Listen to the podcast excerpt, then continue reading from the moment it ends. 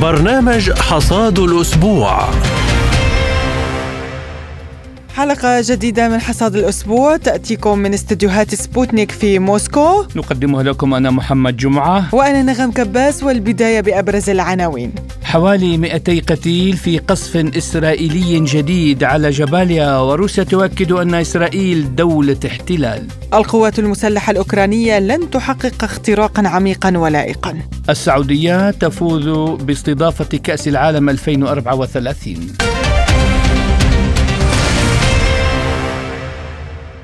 نبدأ التفاصيل من مستجدات العدوان الإسرائيلي على قطاع غزة حيث تواصل إسرائيل عمليات القصف الجوي التي تستهدف القطاع لليوم السابع والعشرين على التوالي حيث طال القصف محيط مستشفى القدس بعد أن نفذت الطائرات الحربية التابعة للاحتلال الإسرائيلي سلسلة غارات جوية استهدفت محيط المستشفى التابع لجمعية الهلال الأحمر الفلسطيني في حي تل الهوى جنوبي غزة. كما قتل ما لا يقل عن 195 فلسطيني وأصيب 777 آخرون جراء الغارات الإسرائيلية المتكررة على مخيم جباليا في قطاع غزة. بدوره أكد مندوب روسيا الدائم لدى الأمم المتحدة فاسيلي نيبينزيا دعوة روسيا لوقف إراقة الدماء في الشرق الأوسط لافتا إلى أن إسرائيل ليس لها الحق في الدفاع عن النفس في الصراع الحالي لأنها دولة احتلال. على صعيد متصل اقترحت ألمانيا وثيقة تفضي بأن يتم إدارة القطاع بعد انتهاء الحرب بالتعاون بين التحالف الدولي الذي سيتم تشكيله وبين الأمم المتحدة مشيرة إلى أنه سيتولى تأمين غزة على حد وصفها إضافة إلى تفكيك أنظمة الأنفاق وتهريب الأسلحة إلى القطاع. للحديث أكثر عن هذا الموضوع ينضم إلينا عبر الهاتف الكاتب السياسي والعضو السابق للمجلس الوطني الفلسطيني حمادة فراعنة أهلا بك سيد حمادة في برنامج حصاد الأسبوع. دعني أبدأ مما قاله مندوب روسيا الدائم لدى الأمم المتحدة فاسيلي نيبينزيا بأن إسرائيل دولة احتلال وليس لها الحق في الدفاع عن النفس. ما دلالة هذا القول أمام مجلس الأمن برأيك؟ الموضوع الأول كما أفهمه من سعادة السفير وهو حقيقة سواء هنالك قمع أو لا يوجد قمع سواء في مذابح أو لا يوجد مذابح. ولكن الحقيقة الأولى التي يجب إدراكها والتسليم بها انسجاما مع القانون الدولي أن المستعمرة الإسرائيلية تحتل أراضي ثلاث بلدان عربية فلسطين والجولان السوري وجنوب لبنان. وبالتالي من حق هذه الشعوب من حق الشعب الفلسطيني أن يقاوم الاحتلال. هذه هي الحقيقة الأولى، والحقيقة الثانية أن سلطات الاحتلال أن جيش الاحتلال يمارس سياسات وجرائم وقتل غير مسبوق بهذا العنف ضد المدنيين. هو جيش الاحتلال الآن يقوم بعملين. الأول بقتل أكبر عدد من الفلسطينيين وثانيا تدمير أكبر مساحة من المنشآت الفلسطينية. ولذلك إذا كان هنالك مقاومة فمن قبل الفلسطينيين ولكن هنالك جرائم ترتكب من قبل الإسرائيليين بحق الشعب الفلسطيني. بالتالي لا يوجد توازن في السلوك في الموقف في الممارسة في المواجهة بين بين الطرفين. ذلك أن المستعمرة الإسرائيلية تستغل الغطاء الذي وفرته الولايات المتحدة والبلدان الأوروبية الأربعة بريطانيا فرنسا ألمانيا إيطاليا واعتبرت هذا التعبير الدفاع عن النفس هذا حق يعني للمستعمرة الإسرائيلية. ولكن حقيقة كما قال السفير الروسي لا يوجد حق للاسرائيلي بل هو حق للفلسطينيين في في مقاومة الاحتلال. وأيضا لا يوجد أي حق ولا يوجد أي قرار ولا يوجد أي مبرر أو غطاء يدفع الإسرائيليين لارتكاب مثل هذه الجرائم المعلنة الواضحة العلنية ضد المدارس المستشفيات دور العبادة من المساجد والكنائس وحتى المخا حتى البيوت طبعا مباشرة وتدمير كل المنشآت الحكومية. 82 منشأة حكومية تم تدميرها والمخابز المخابز التي تعطي الناس الخبز للأكل. لذلك هنالك جرائم ترتكب من قبل المستعمرة الإسرائيلية ومع الأسف هنالك غطاء من قبل الولايات المتحدة وبعض البلدان الأوروبية لمواصلة هذه الجرائم بالنسبة في ضد الشعب الفلسطيني. وإذا استثنينا الحقيقة موقف روسيا والصين بشكل بارز كدول كبيره لها احترامها ومكانتها. آه، هي الوحيدة التي آه، تعلن آه، دعمها واسنادها للشعب الفلسطيني ورفضها للجرائم الإسرائيلية. نعم أستاذ حمادة يعني روسيا تحاول تخفيف معاناة اهالي قطاع غزة وطالبت أكثر من مرة بوقف إطلاق النار لكن اصطدم هذا الطلب برفض غربي خاصة من أمريكا. ما الإجراءات الأخرى برأيك التي يمكن أن تتخذ؟ أولا يجب أن نفرق بين آه، المطالبة بوقف إطلاق النار والذي آه، الحقيقة لا تدعو له الولايات المتحدة ولكنها هي يعني متورطة ومتواطئة مع المستعمرة الإسرائيلية في توفير الغطاء السياسي والإعلامي والقانوني آه، للمستعمرة الإسرائيلية، لقد اتخذت اتخذ قرار آه، الفيتو ضد مشروع القرار الروسي منذ منذ البداية. ولذلك لا روسيا ولا الصين ولا أي طرف في العالم آه، يملك القدرة على الضغط على المستعمرة الإسرائيلية في وقف إطلاق النار الذي يستطيع فقط طرفين، اولا صمود الفلسطينيين وبسالتهم وتوجيه ضربات موجعة لجيش الاحتلال. وثانيا ال ال ال الولايات المتحدة الأمريكية الراعيه لهذه المستعمرة الإسرائيلية لقد سبق للولايات المتحدة وأن فرضت على نتنياهو واستجاب في إعادة الاتصالات السلكية واللاسلكية والأنترنت لقطاع غزة لأن المستعمرة الإسرائيلية أوقفت كل هذه الاتصالات بعد الاجتياح بعد ثلاثة أسبوع ثلاثة أسابيع من الحرب وبدأ بالأسبوع الرابع بدأت عملية الاجتياح التدريجية ولذلك فرضت الولايات المتحدة على المستعمرة الإسرائيلية بإعادة الاتصالات. فلذلك الولايات المتحدة هي الوحيدة القادرة على فرض آه، وقف إطلاق النار. أما فيما يتعلق بتوفير آه، المستلزمات الضرورية فقد أيضا تمكنت الولايات المتحدة بالتجاوب مع حاجات الفلسطينيين ومع المطالبة الدولية وفرضت أيضا على نتنياهو فتح أبواب قطاع غزة لإدخال الاحتياجات الدوائية والمياه وغيرها. ولكن يجب أن يكون واضح بأن الصراع آه، بالنسبة للولايات المتحدة هو صراع على مواصلة الهيمنة والتفرد والنفوذ الأمريكي المسيطر على الساحة السياسية الدولية منذ نهاية الحرب آه، الباردة عام 1990 ولذلك دعينا ندقق أن أن الإدارة الأمريكية تقدمت بطلب من الكونغرس الأمريكي لتغطية احتياجات كل من أوكرانيا والمستعمرة الإسرائيلية لأن كليهما أدوات بيد آه، آه، السياسة الأمريكية والنفوذ الأمريكي. الولايات المتحدة الأمريكية تسعى من أجل استمرارية الهيمنة والتسلط والتفرد الأمريكي على السياسة الدولية منذ نهايه الحرب الباردة، وبالتالي آه، روسيا من جهتها تعمل إلى إلغاء نتائج الحرب الباردة واستعادة مكانتها. الولايات المتحدة اليوم ترى أن الصين وروسيا هما عدوتان مباشرتان ضد المصالح والنفوذ الأمريكي.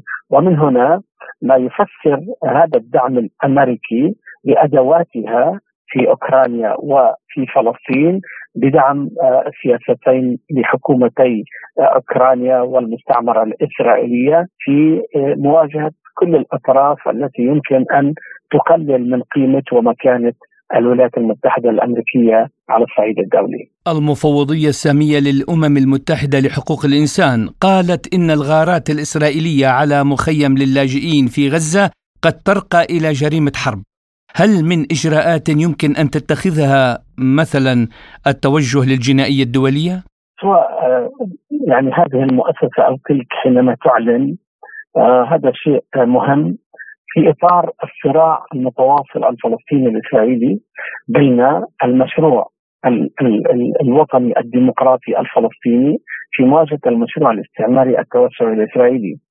ولكن هذه إضافة تقدم لمحكمة الجنايات الدولية. ولكن حتى يتم نقل آه هذا الموضوع لمحكمة الجنايات الدولية يجب أن يكون أن تكون المبادرة من صاحب الولاية. وصاحب الولاية هي فقط فلسطين الحكومة الفلسطينية. والحكومة الفلسطينية سبق وأن قدمت آه آه بحث لمحكمة الجنايات الدولية وهي تفحص هذا الموضوع. وعلينا أن نتذكر أن المدعي العام لمحكمة الجنايات الدولية أيضا أعلن أن هنالك سلوك و و وممارسة ومذابح ترتكب بحق الشعب الفلسطيني. ولكن هذه التصريحات لن تكون ذات جدوى إذا لم تقدم شكوى رسمية من صاحب الولاية وصاحب الولاية هو فقط السلطة الفلسطينية التي سبق وأن قدمت وبالتالي أعتقد أن السلطة الفلسطينية تحضر أوراقها ودلائلها لتقديم المزيد من الدلائل الحسية العملية حول الجرائم التي ترتكب من قبل جيش المستعمرة ضد الشعب الفلسطيني. يعني الأردن استدعى سفيره من تل أبيب، لماذا برأيك تأخرت هذه الخطوة ولماذا لا تتخذ هكذا إجراءات بقية الدول العربية؟ نعم اولا كمان إضافة لسؤالك السابق حينما تحدثت وسألت عن فشل مجلس الأمن في اتخاذ قرار سألت هل هنالك إجراءات أخرى؟ أقول نعم ها هو الأردن اتخذ إجراء في في أمام مجلس الأمن والجمعيه العامة حينما ألقى وزير خارجيه الأردن خطابا باسم المجموعة العربية أمام الجمعية العامة للامم المتحدة التي صوتت لصالح القرار الأردني كما تذكرين. أما في فيما يتعلق بالقرار القرار الأردني هو الحقيقة قرار مزدوج باتجاهين اولا استدعاء السفير الأردني من تل أبيب وثانيا رفض طرد السفير الإسرائيلي من عمان. طبعا السفير هو غير موجود وكل طاقم السفارة غير موجودين في عمان. منذ بداية الحرب منذ بداية الاعتداء الإسرائيلي على قطاع غزة السفير وكافة موظفي السفارة غادروا الأردن بسبب المظاهرات شبه اليومية في حي الرابية. ذلك الحي الذي تقع فيه سفارة المستعمرة الإسرائيلية في عمان. ولذلك لأسباب تم رحيل السفير وكافة طاقم السفارة. الآن هذا القرار الأردني هو قرار سياسي الحقيقة بمثابة رسالة موجهة لعدة أطراف. أولا للمستعمرة الإسرائيلية أنها لا تدرك حجم المجازر والمآسي والآثام والجرائم التي ترتكب وبالتالي الأردن الذي تربط علاقات دبلوماسية ومعاهدة سلام ها هو يتقدم بخطوة احتجاجية متقدمة بهذا الاتجاه. ثانيا رسالة أيضا موجهة للإدارة الأمريكية التي يرتبط الأردن معها بعلاقات استراتيجية وبالتالي لتوصيل هذه الرسالة الاحتجاجيه من قبل الأردن في مواجهة السياسة الأمريكية والأوروبية الداعمة والمساندة والتي تشكل غطاء للجرائم الإسرائيلية. ثالثا والأهم هي رسالة للبلدان العربية التي تفضلت وذكرتها التي ترتبط بعلاقات دبلوماسية ومع الأسف وبكل أسى هنالك بلدان عربيان يرتبطان باتفاقات عسكرية وأمنية مع المستعمرة الإسرائيلية أحدهما في في إفريقيا العربية والثانية في آسيا العربية. ولذلك الأردن ليس ثوريا وليس متمردا وليس يسعى لتحرير فلسطين بشكل متطرف ولكنه بلد محافظ تقليدي يرتبط مع المستعمرة الإسرائيلية باتفاقية سلام ويرتبط مع الولايات المتحدة باتفاقية استراتيجية ومع ذلك يتخذ هذا القرار. لعل هذه الرسالة تصل للعواصم العربية لاتخاذ موقف مماثل بعمان في مواجهة هذه المستعمرة الإسرائيلية، لذلك هي رسالة متعددة العناوين ولكنها تتم استجابة اولا للموقف الشعبي الأردني الذي يتظاهر ويطالب بطرد السفير وثانيا بالاحزاب وبالبرلمان أي آه، للرأي العام آه، الأردني استجابة للرأي العام الأردني وإن كانت هذه الخطوة متأخرة حيث سبقها آه، مواقف من بلدان أمريكا اللاتينية كانت أكثر تقدما وأكثر فعالية مقارنة بالموقف الأردني. أمر رئيس الإمارات بإدخال ألف طفل فلسطيني مع عائلاتهم من قطاع غزة إلى البلاد لتقديم الرعاية الطبية لهم هل هذه الخطوة برأيك كافية؟ الشعب الفلسطيني بحاجة نعم لخطوات إنسانية آه، ليس بحاجة لتصريحات سياسية منددة وبهذا الاتجاه أو ذاك شكرا لكل من آه، آه، يقدم تصريحات سياسية ولكن الشكر الأكبر لمن يقدم مساعدات حسية عملية ملموسة الشعب الفلسطيني الآن ملكوب بحاجة للجرافات أكثر من حاجته للأدوية لأن الشوارع مغلقة. وحاجته للأدوية أكثر من حاجته للأغذية وحاجته للأغذية والمياه أكثر من حاجته للمواقف السياسية، لذلك آه، الشعب الفلسطيني الآن في قطاع غزة بحاجة آه، آه، لروافع مساندة دائمه ولذلك كل التقدير لدولة الإمارات على هذه المبادرة. والأمل أيضا أن يكون لدى البلدان العربية الأخرى وخصوصا الخليجية ألو عذرا انقطع الاتصال. تفضل أكمل. نعم. ما في مشكلة. فكما أيضا فعلت حكومة المملكة العربية السعودية فتحت صندوق يعني لجمع التبرعات الداعمة لقطاع غزة. وهكذا يجب أن يكون الحقيقة هنالك مساعدات عينيه ملموسة آه، لدعم وإسناد الشعب الفلسطيني باتجاهين، الاتجاه الأول من أجل بقائه وصموده على أرضه لأن المشروع الاستعماري التواصل الإسرائيلي الآن يريد مرة أخرى طرد الفلسطينيين وتهجيرهم تحت عوامل آه، الموت وتحت عوامل التدمير ولذلك هم يسعون من أجل تقليص العامل الديمغرافي الفلسطيني. ذلك أن مشروع المستعمرة الإسرائيلية يقوم على عاملين العامل الأول الأرض والعامل الثاني البشر. لقد احتلوا آه، كامل خارطة فلسطين ولكنهم فشلوا استراتيجيا بطرد كل الشعب الفلسطيني عن أرضه. هنالك أكثر من 7 مليون 7 مليون و140 ألف عربي فلسطيني على كامل خارطة فلسطين. مثلما أيضا هنالك أكثر من 7 مليون فلسطيني خارج فلسطين في المخيمات وفي مواقع الشتات. ولذلك آه، هذا الفريق الحاكم لدى المستعمرة الإسرائيلية يريد مرة أخرى آه، تقليص الوجود البشري آه، الديمغرافي السكاني الفلسطيني عن الأرض الفلسطينية. ولذلك الدعم مطلوب المالي والحسي والعيني من أجل بقاء وصمود الشعب الفلسطيني على أرضه. وثانيا من أجل دعم نضاله لاستعاده كامل حقوقه على أرض الوطنية فلسطين حيث لا وطن للشعب الفلسطيني إلا للفلسطينيين. نعم يعني بايدن رأى أن الحياة السياسية لنتنياهو تقترب من نهايتها.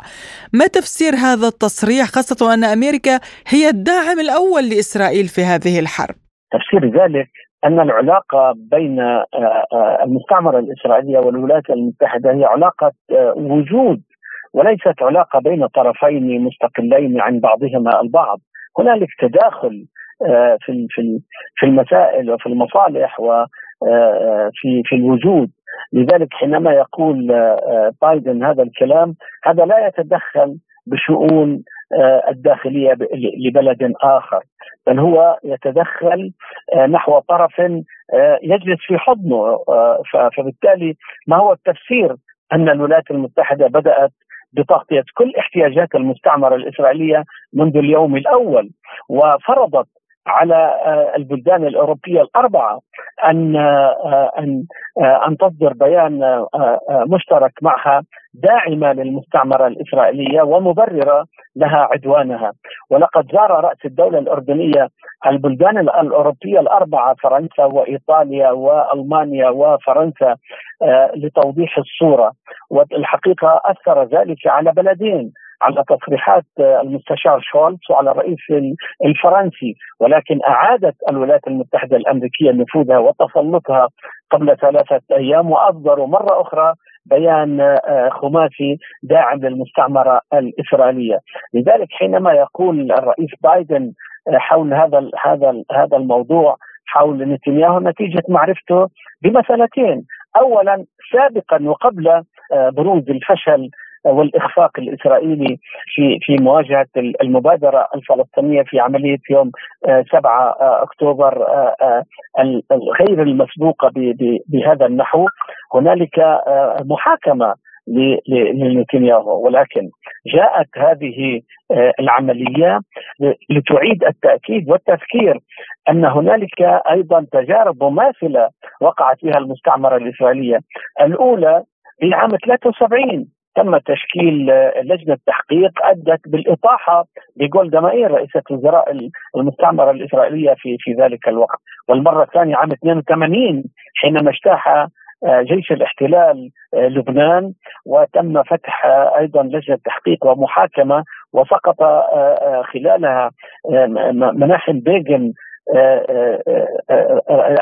شامير وشامير وأيضا شارون حرم من العمل السياسي لمدة خمس سنوات. ولذلك هنالك سيكون نعم لجنة تحقيق لنتنياهو. ومن هنا الرئيس الأمريكي هو يبشر في ذلك ويؤكد ذلك ولكنه يقول ذلك كما قلت لسببين، السبب الأول هذا التداخل الذي ذكرته وتحدثت عنه، والسبب الثاني نتيجة معرفته بنتائج هذه المعركة الفاشلة المصحوبة بكل المجازر غير الإنسانية، غير القانونية، غير الشرعية التي ارتكبتها المستعمرة الإسرائيلية بحق الشعب الفلسطيني. الكاتب السياسي والعضو السابق للمجلس الوطني الفلسطيني حمادة فراعنة شكرا لك على هذه المداخلة. وإلى الملف الأوكراني حيث قال القائد العام للقوات المسلحة الأوكرانية إن الوضع في ساحة المعركة وصل إلى طريق مسدود وأن القوات المسلحة الأوكرانية على الأرجح لن تحقق اختراقا عميقا ولائقا. وهذا ما اتفق معه مالك شركة ستارلينج للاتصالات إيلون ماسك الذي أكد بدوره الرأي القائل بأن أوكرانيا غير قادرة على هزيمة روسيا في الصراع الحالي. من جهة أخرى وعلى خلفية التصعيد الإسرائيلي في فلسطين ما يجري هناك يفترض أن يبرر لأي دولة في مكان روسيا أن يكون رد فعلها أشد قسوة على التهديدات الأوكرانية. طبعا فيما صرح لسبوتنيك مدير الإدارة الثانية لدول رابطة الدول المستقلة بوزارة الخارجية الروسية أليكسي بوليشوك. ولكن مع وجود الكثير من الأسلحة توجد الحكمة التي تعطي للإنسان القيمة الأسمى. حاليا نسمع تصريحات لمسؤولين أمريكيين حول ضرورة بدء المفاوضات بين أوكرانيا وروسيا لأنه لا يوجد سبب لمواصلة هذا الصراع حسب رأيهم. وقد عبر أيضا عن هذا الرأي السناتور الجمهوري تومي توبرفيل وللحديث أكثر حول هذه العناوين نستضيف معنا الخبير بالشأن الروسي الأستاذ صدقي زاهر عثمان. أهلا بك أستاذ صدقي. ببرنامج حصاد الأسبوع. مساء الخير وشكرا جزيلا لكم.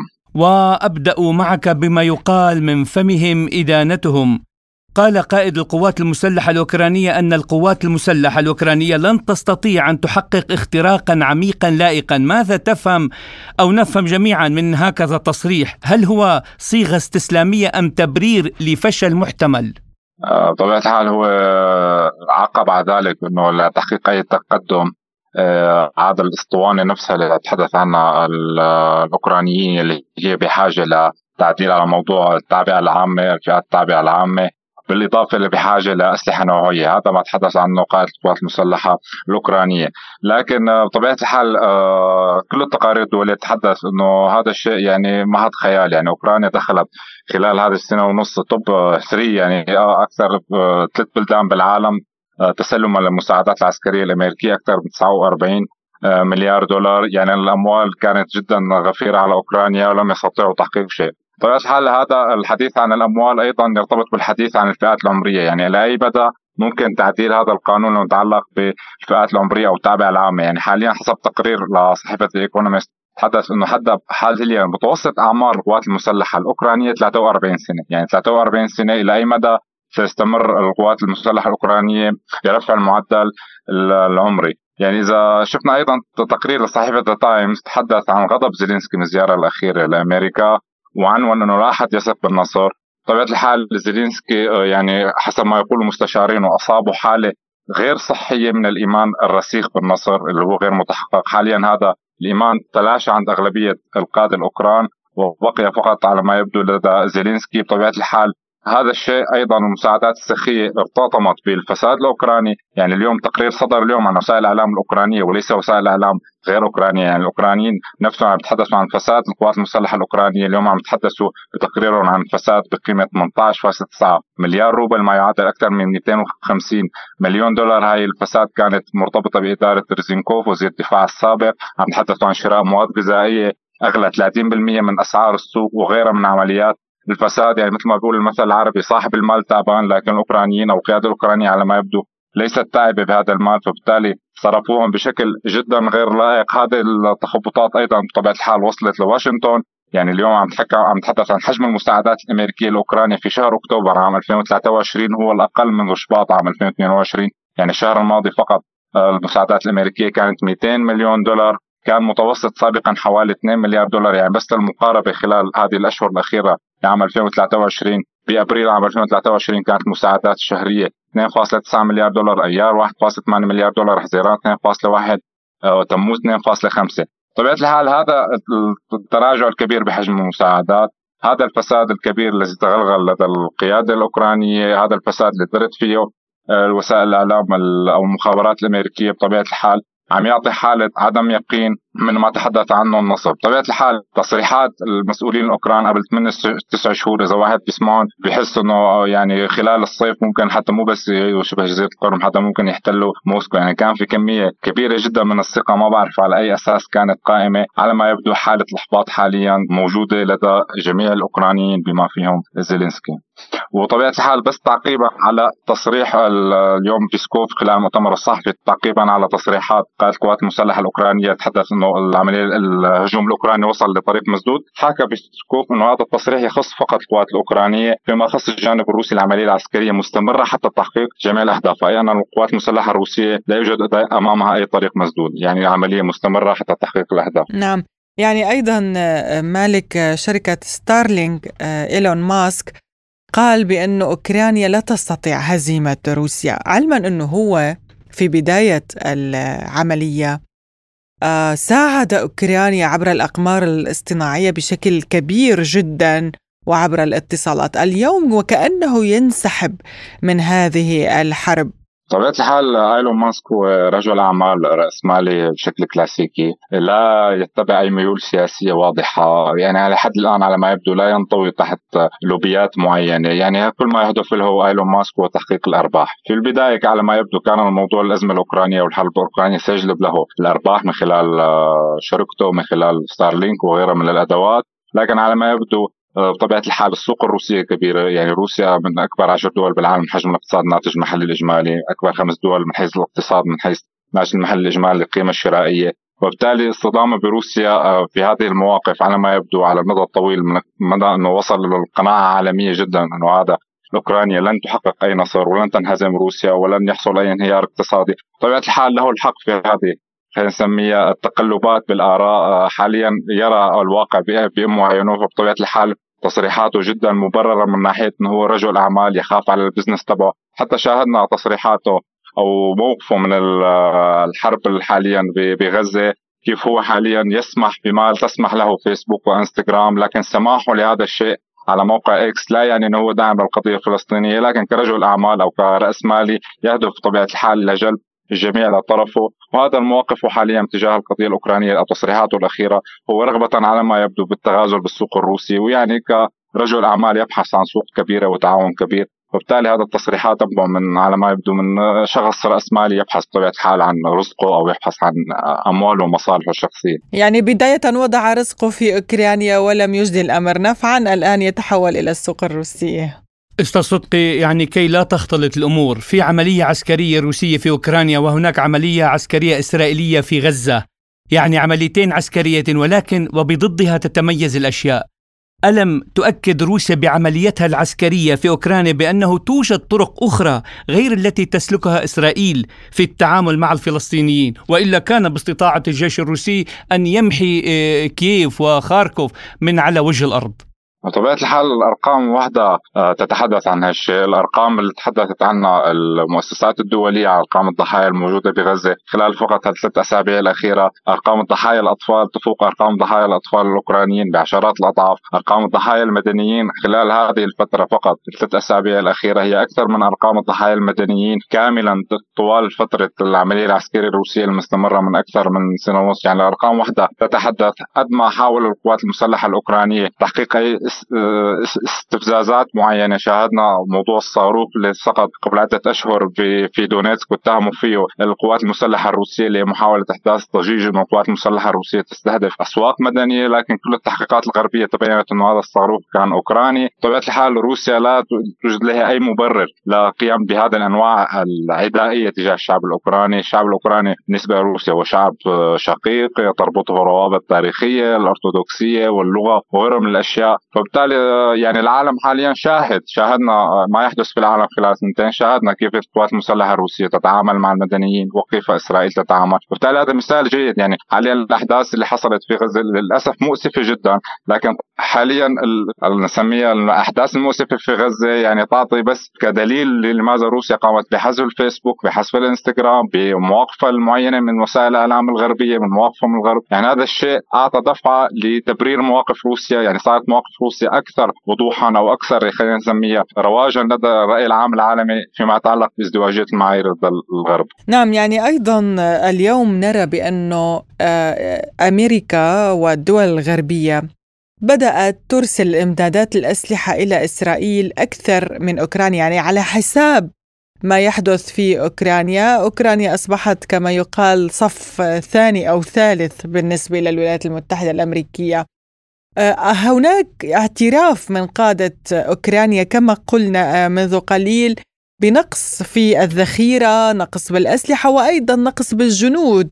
هل هذا برأيك سيدفع نظام كييف إلى المفاوضات دفعا؟ هلا حاليا حالة الإحباط الحاصلة تحدثنا عنها لدى القيادة الأوكرانية طبيعة الحال ستكون يعني مصحوبة بالأشهر القادمة في مثل ما تحدثنا تحديدا بالأرقام يعني اليوم عم نحكي عن شهر أكتوبر أقل شهر إمدادات عسكرية ومساعدات عسكرية مقدمة لأوكرانيا يعني هذا الانحدار الكبير اللي حاصل شهريا من 2 مليون. وإذا استمرت الأوضاع في غزة على ما هي, هي عليه ستنقص أكثر الذخائر. بطبيعه الحال ستنقص أكثر وأكثر. ما تحدث عنه كمان البنتاغون الأمريكي إنه إذا توقفت الإمدادات بالنسبة لأوكرانيا ستؤدي بطبيعة الحال لفوز روسيا. هذا الشيء على ما أعتقد المهم بالنسبة للولايات المتحدة الأمريكية كما حصل وكما نشاهد نحن إدارة بايدن مرتبطة بشكل أو بآخر بموضوع لوبيات أسلحة. يعني كل ما يحصل بالنسبة لبايدن بايدن مجيء في هذا العمر في هذه الحالة الصحية هو مرتبط في مبيعات الأسلحة. يعني شفنا في الأيام الأولى للانطلاقه العملية في في غزة أو الاحداث في غزة.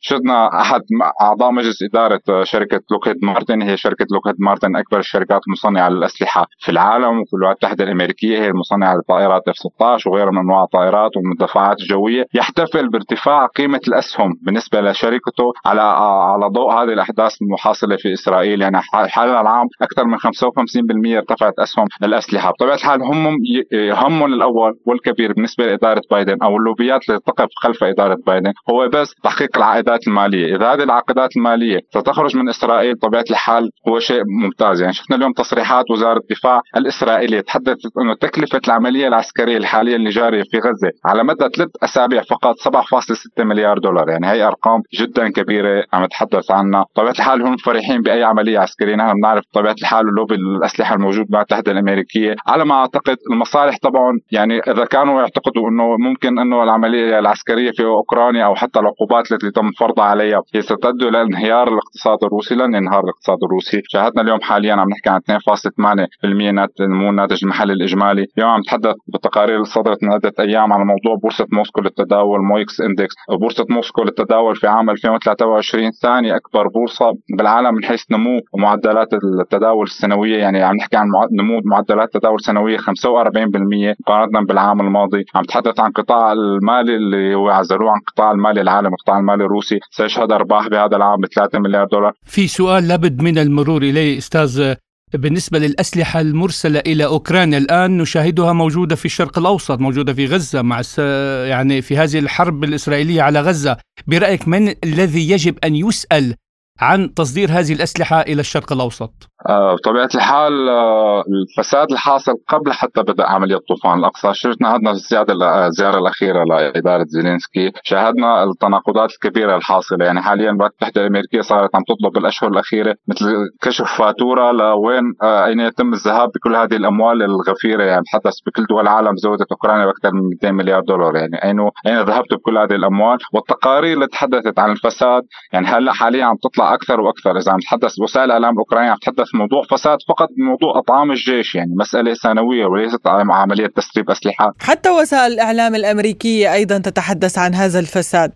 نعم فساد كبير. أدى هذا الفساد زيلينسكي لإقالة جميع المسؤولين عن إدارات التجنيد، إقالة وزارة الدفاع وغيرهم من المسؤولين، هذه عمليات الإقالة أيضا تتناسب فرضا مع كمية الأحباط الموجودة لدى الجيش الأوكراني، يعني حاليا بعد ما أقال جميع إدارات التجنيد، لا يوجد أي احد راغب في أوكرانيا في استلام هذه الإدارات، يعني صار الموضوع جدا مكشوف، صار الموضوع الفساد يعني مثل ما بسموه يعني صار في العين كثير عليه كبيرة، وبالتالي هذا الموضوع جدا معيب بالنسبة للقيادة الأوكرانية. الاوكرانيه الفاسدة بطبيعة الحال لانهم يدعون على طول المثالية ويدعون القيم والأخلاق لكن ما الأحداث اللي حصلت بطبيعة الحال هون يعني بطبيعة الحال أنا لا أعتقد أن التسريب اللي حصل للشرق الأوسط كان بشكل مباشر من قبل أوكرانيا تم عبر وسيط لكن هذا التسريب يحصد يعني بالتالي في فساد.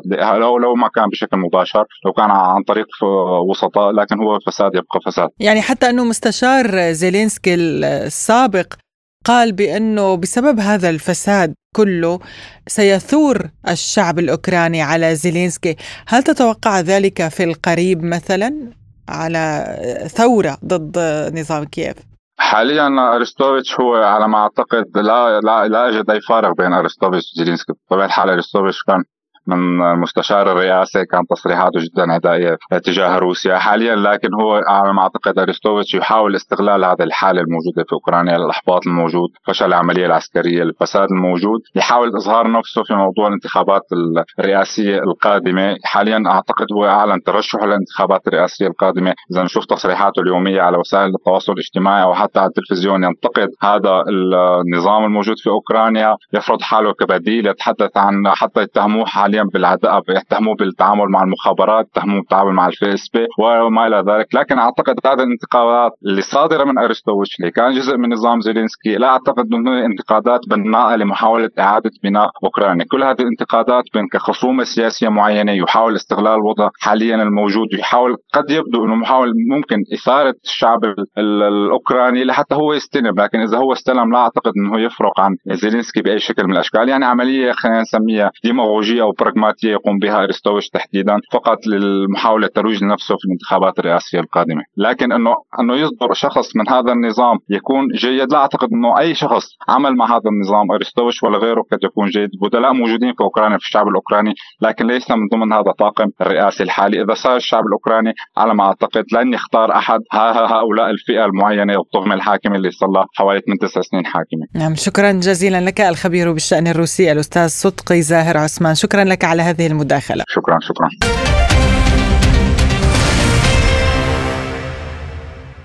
وإلى فعاليات الدورة الثامنة والعشرين لمؤتمر الأطراف كوب 28 لمكافحة التغيير المناخي الذي تستضيفه الإمارات العربية المتحدة في الفترة من نوفمبر إلى ديسمبر في مدينة إكسبو بدبي حيث دعا سلطان الجابر رئيس مؤتمر الأمم المتحدة المعني بتغيير المناخ.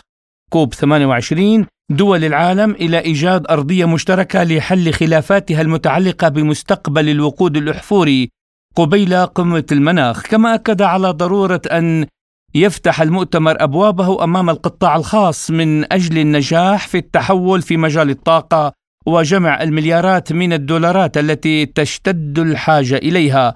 ووضح أنه يجب تحديث النظام المالي الدولي بأكمله لجعل تمويل المناخ أكثر توفرا وسهولة ويسرا للجنوب العالمي وأشار الجابر إلى أن رئاسة كوب 28 وضعت خطة عملها اعتمادا على أربع ركائز رئيسية وهي التتبع السريع لانتقال عادل ومنظم للطاقة وتحديد تمويل المناخ والتركيز على الناس والطبيعة والحياة وسبل العيش ودعم كل شيء بالشمولية الكاملة. بدورها قامت سفارة الإمارات العربية المتحدة في موسكو بإقامة فعالية بهذا الخصوص بحضور عدد من المسؤولين الروس والعرب والدبلوماسيين والصحفيين حيث قال خلالها سعادة سفير دولة الإمارات العربية المتحدة لدى روسيا الاتحادية الدكتور محمد أحمد الجابر. دولة الإمارات تمضي قدما بتعزيز الإنجازات ورفع الطموحات بشأن تغير المناخ. ونحن نخطط لاتخاذ قفزة أكبر في التنمية ومواصلة التركيز على جدول أعمال مستدام. والاستفادة من الفرص الناشئة في هذا المجال حتى تستفيد الأجيال الحالية والمستقبلية. وسنفتح مسارات جديدة لتتبع التحول العادل والمنظم في مجال الطاقة بسرعة ومعالجة أوجه التقصير في تمويل المناخ من خلال تحويل البنية المالية وتأمين قدر أكبر من الالتزام والعمل من جانب القطاع الخاص. وأعلن صاحب السمو الشيخ محمد بن زايد ال نهيان رئيس الدولة عام 2023 عام التنمية المستدامة. ومبادرتنا الوطنية لتحقيق صاف انبعاثات صفرية في عام 2050 وتتمثل أولوياتنا في الحفاظ على هدف الاحتباس الحراري عند درجة ونصف مئوية وتسريع التحول في مجال الطاقة. وندعو جميع البلدان وكذلك المنظمات الدولية والمنظمات غير الحكومية إلى تخصيص رأس المال بالكامل وبناء البنية التحتية للشبكات اللازمة للتنفيذ التدريجي لإحلال الطاقة النظيفة. وبالتعاون مع روسيا وبقية العالم يمكننا أن نحدث فرقا من خلال حماية واستعادة أنظمتنا البيئية. نحن بحاجة إلى العمل معا وسنحتاج إلى النظر في جميع عناصر نظام الطاقة وسنحتاج إلى التحدث بصراحة حول ما سيتطلبه الأمر لضمان انتقال مسؤول وعادل من شأنه أن يعزز بشكل إيجابي أجندة المناخ في جميع أنحاء العالم وخاصة عبر الجنوب العالمي. وفي تصريح خاص لسبوتنيك قال مستشار الرئيس الروسي في قضايا تغير المناخ روسلان إيدلغيرييف تبنت روسيا مباشرة قبل انعقاد مؤتمر الأمم المتحدة الثامن والعشرين المعني بتغير المناخ مبدا وافق عليه الرئيس فلاديمير بوتين والذي أعلن رسميا هدف الحياد الكربوني في موعد أقصى عام 2060 لقد قمنا بتطوير استراتيجية لخفض انبعاثات الغازات الدفيئة ونقوم حاليا بوضع خطط لتنفيذ هذه الاستراتيجية. وفي هذا الصدد سيتم بناء مؤشرات لمختلف قطاعات الاقتصاد التي سيتعين عليها حد من انبعاثات الغازات الدفيئة في أنشطتها. وسوف تسمح لنا المجموعة الكاملة من هذه التدابير التي ستتخذ في المؤتمر بتسريع عملية إزالة الكربون وتحقيق الحياد الطبيعي. لقد عملنا بشكل وثيق مع زملائنا الإماراتيين منذ أكثر من خمس سنوات ونتبادل معهم المعلومات والبيانات العلمية باستمرار ونتبادل معهم بدعوة الطلاب ونحن على استعداد لتنفيذ مشاريع مناخية مع إطلاق وحدات الكربون. كما ولدينا مجموعة واسعة من القضايا التي نركز عليها ونعتزم التفاعل معها.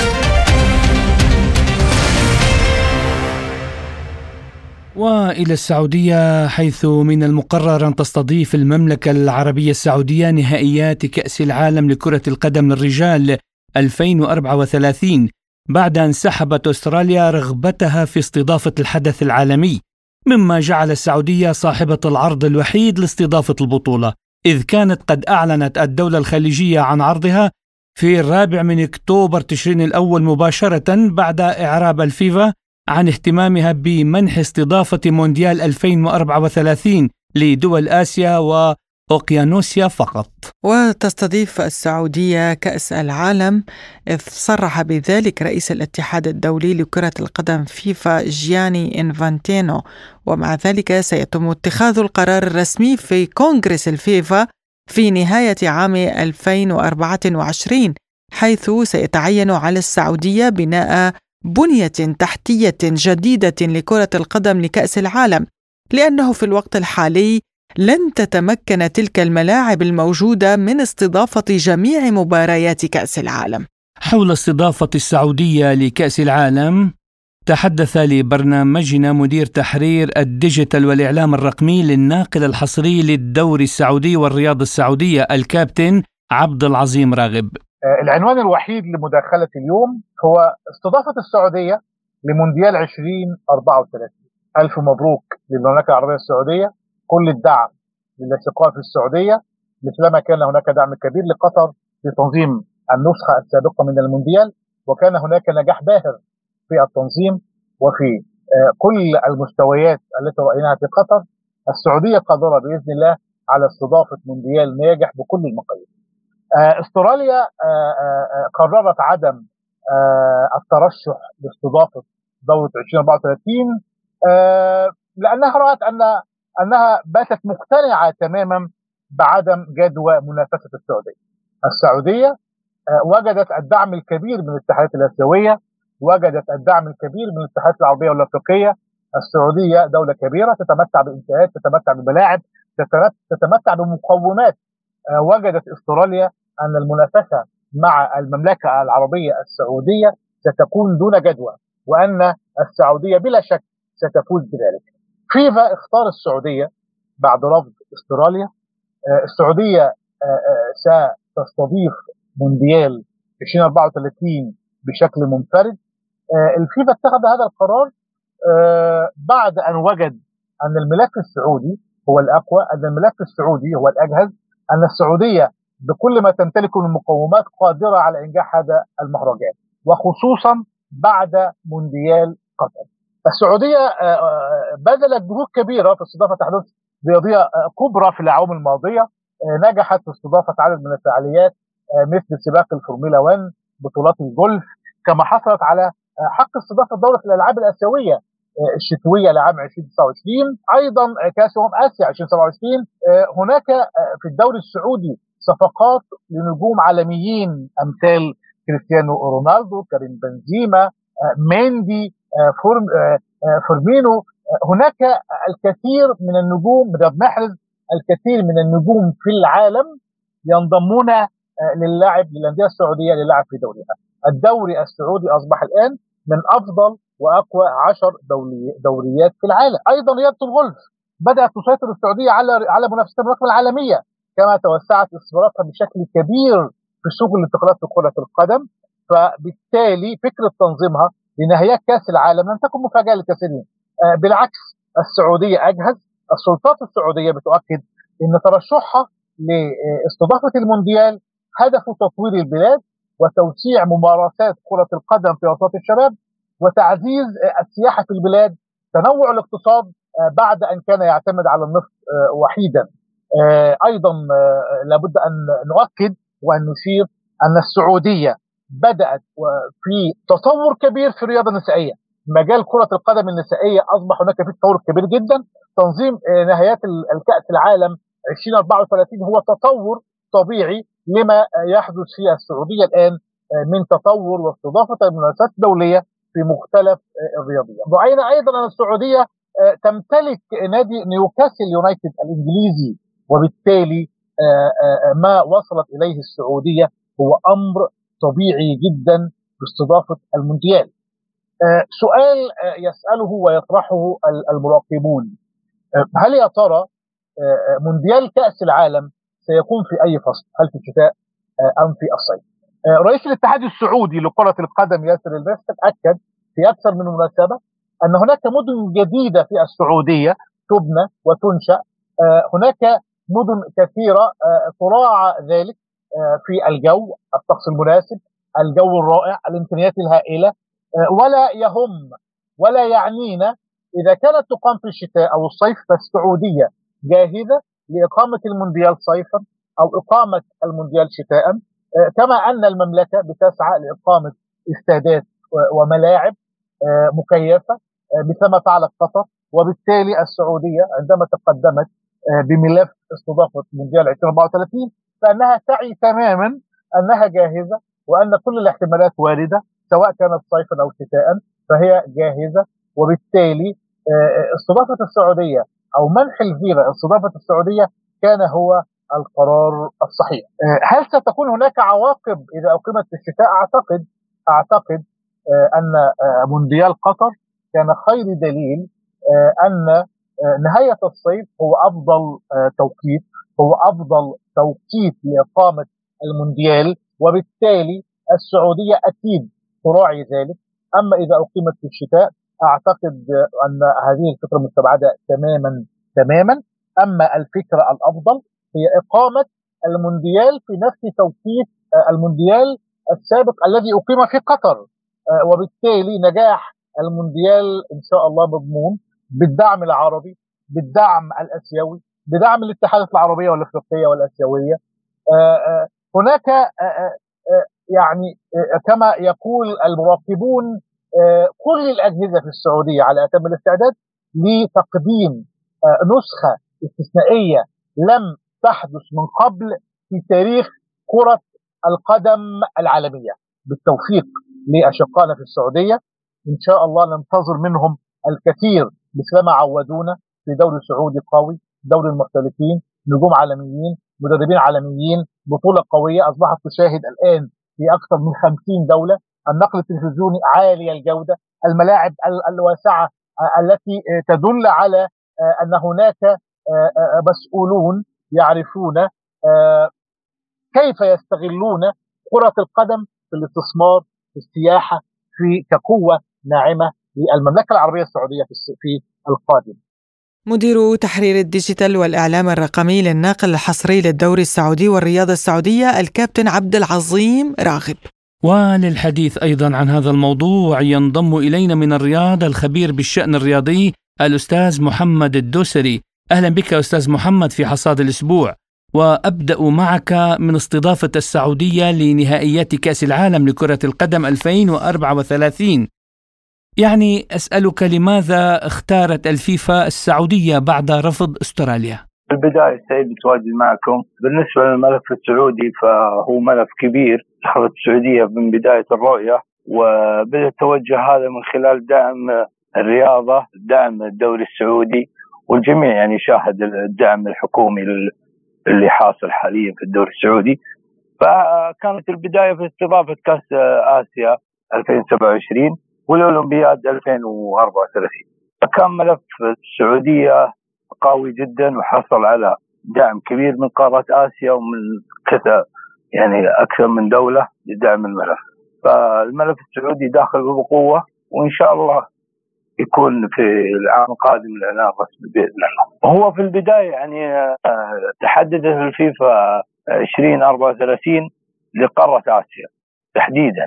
فكان ملف السعودي في في آسيا قوي جدا وما أعتقد إن في دولة جاهزة لاستضافة البطولة كملف كدخول منافسة السعودية فهذا اللي يرشح السعودية بشكل كبير. لماذا برأيك لم يتقدم أحد سوى السعودية لاستضافة المونديال؟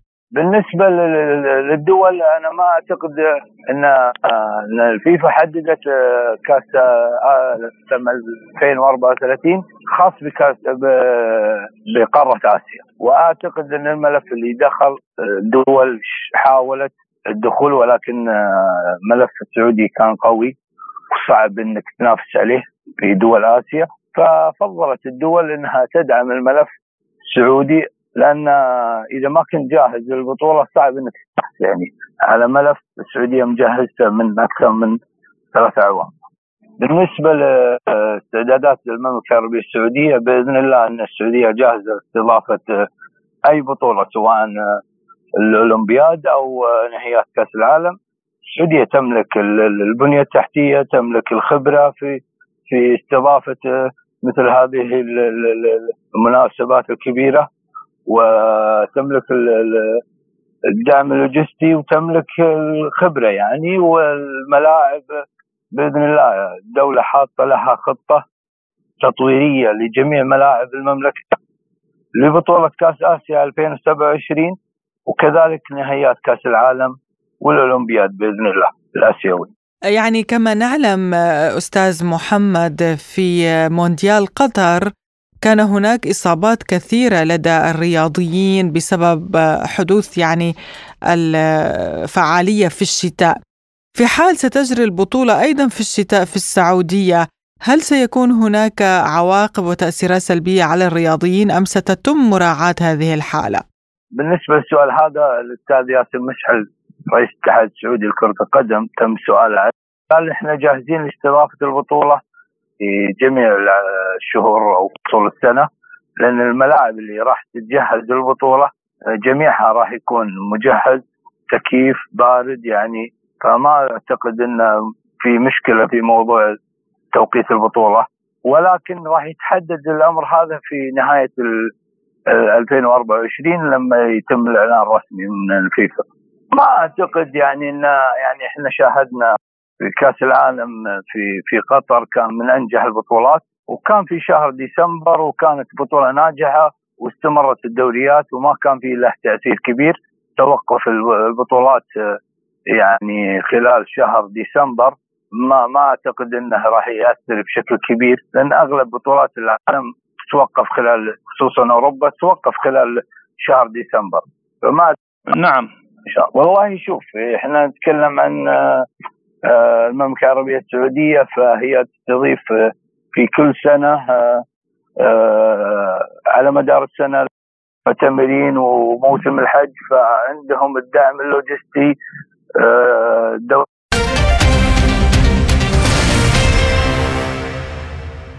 وإلى الرياض حيث انطلق موسم الرياض والذي هو مهرجان ترفيهي عالمي. يقام في عاصمة المملكة لتحويلها إلى وجهة ترفيهية سياحية عالمية. لكن هذا الانطلاق يا محمد أدى إلى انتقاد كبير من قبل الشارع العربي بسبب ما يحدث في قطاع غزة من قصف عشوائي إسرائيلي وقتل عشرات الآلاف من المدنيين ويعني أكثر من 24 جريح ألف جريح عفوا 24 ألف جريح وأكثر من 9000 آه، ضحية آه، بسبب القصف. وفي هذا الموسم موسم الرياض يجتمع هناك عدد كبير من الفنانين والمشاهير لإقامة الاحتفالات والمهرجانات وهو ما أدى إلى استياء شعبي عربي كبير حتى أن رواد التواصل الاجتماعي انتقدوا الفنانة أليسا التي شاركت في هذا المهرجان وقالوا بأنها كيف يمكن أن آه، تغني ونحن آه، يعني جرحى. أنا مضطرة أعمل شغلي لأنه لازم أعمل شغلي. بس نحن عارفين شو عم بيصير اليوم. ورح ناخذ دقيقة صمت نوقف كلنا لأجل فلسطين ولأجل كل الشهداء اللي عم بيروحوا. دقيقة صمت مستمعينا الأفاضل إلى هنا تنتهي حلقة اليوم من حصاد الأسبوع. كنت معكم أنا محمد جمعة. وأنا نغم كباس إلى اللقاء.